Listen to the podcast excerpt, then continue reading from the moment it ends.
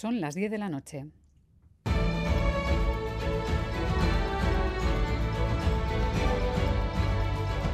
Radio Euskadi y Radio Vitoria.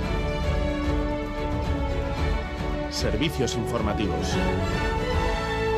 Repasamos los titulares de la jornada con John Fernández Mur, Gabón. Gabón, miren noticias de este miércoles 11 de octubre en el que comenzamos mirando al Consejo Vasco de Finanzas. Las tres diputaciones volverán a deflactar las tarifas del IRPF al año que viene para amortiguar la inflación y que la subida de los salarios no se la coman los impuestos. Esta vez será un 2,5% y supondrá dejar en el bolsillo de los contribuyentes vascos 100 millones de euros. Pedro Azpiazu, consejero de Economía y Hacienda, aquí en Gambara de Radio Euskadi. Lo que se busca es efectivamente minorar un pacto, el impacto que pueda tener la inflación en los ciudadanos, ¿no? a través de, de la tarifa de la, de la, renta.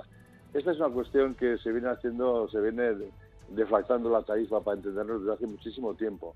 El año pasado fue especialmente importante la deflactación porque el nivel de inflación era muy alto. ¿no? Y para el año que viene lo que hacemos es también eh, hacer una deflactación de la tabla, que estivamos en un 2,5%, la deflactación tiene que ser aprobada, eso sí, por las tres juntas generales junto a los presupuestos. El Consejo ha estimado que la recaudación crecerá en 2024 otro 5%, es decir, 900 millones más. Buenas noticias, según los tres diputados generales. Es que la marcha de la recaudación y las previsiones positivas reflejan que la economía de Vizcaya está fuerte. Inflazioak kezkatzen gaituen momentu honetan eta ziurgabetasuna nagusi den momentu honetan, gure ekonomiak sendo eusten dio. Vamos a crecer, según esta previsión, a menor ritmo, pero vamos a seguir creciendo. Y vamos a seguir generando empleo. En un entorno de ralentización del crecimiento de la economía, esta es una buena noticia Gaza se queda sin electricidad por el bloqueo total impuesto por Israel. Y los hospitales de la franja se encuentran al borde del colapso en los bombardeos israelíes que no han cesado. Han muerto ya 1.100 personas, entre ellos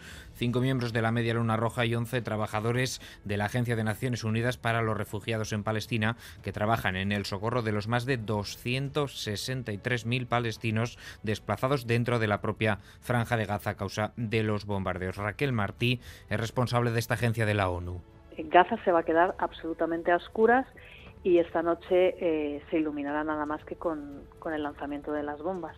Husniat del Bajed, embajador palestino en España, denunciaba el doble rasero de Occidente en el conflicto. Talitzakov, portavoz de la Embajada de Israel en España, recordaba a los rehenes secuestrados y decía que sus acciones van contra la infraestructura de los terroristas. Llorar tanto por las víctimas israelíes y solamente se acuerdan de lo que ocurre en esta región cuando esto le afecta a los israelíes. Hay eh, civiles que todavía están secuestradas.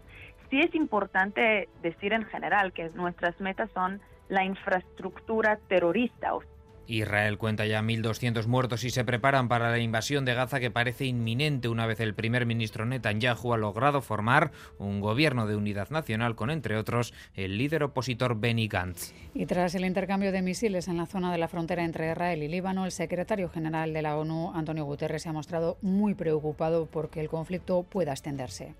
We must avoid spillover of the conflict.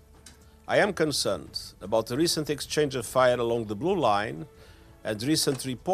tenemos que evitar que el conflicto se extienda, ha dicho Guterres, que ha añadido que jamás debe liberar de inmediato a los rehenes y que Israel debe dejar de bombardear instalaciones de la ONU o escuelas, así como permitir el paso de ayuda humanitaria. El puente Avenida que une Irún y Endaya será reabierto el próximo 30 de octubre. Así lo ha anunciado la prefectura de los Pirineos Atlánticos tras casi tres años de cierre. Gran noticia para el alcalde de Irún, José Antonio Santano, y la diputada general de Guipúzcoa, Eider Mendoza es una grandísima noticia. Yo diría que es la única noticia que estábamos esperando. Era una vergüenza, era y es una vergüenza que ese puente esté cerrado y esperando además que esta sea una apertura definitiva. Es una información muy buena. En cualquier caso, pedimos públicamente al Estado francés que deje a un lado los controles y las prácticas que dificultan el tránsito libre de las personas en todos los puntos de la MUA. También se abrirán los otros tres pasos entre Iparralde y Egoalde que permanecían cerrados. Es todo, más noticias en una hora y en todo momento en itv.eus en la aplicación ITV Albistea. Quiero arte.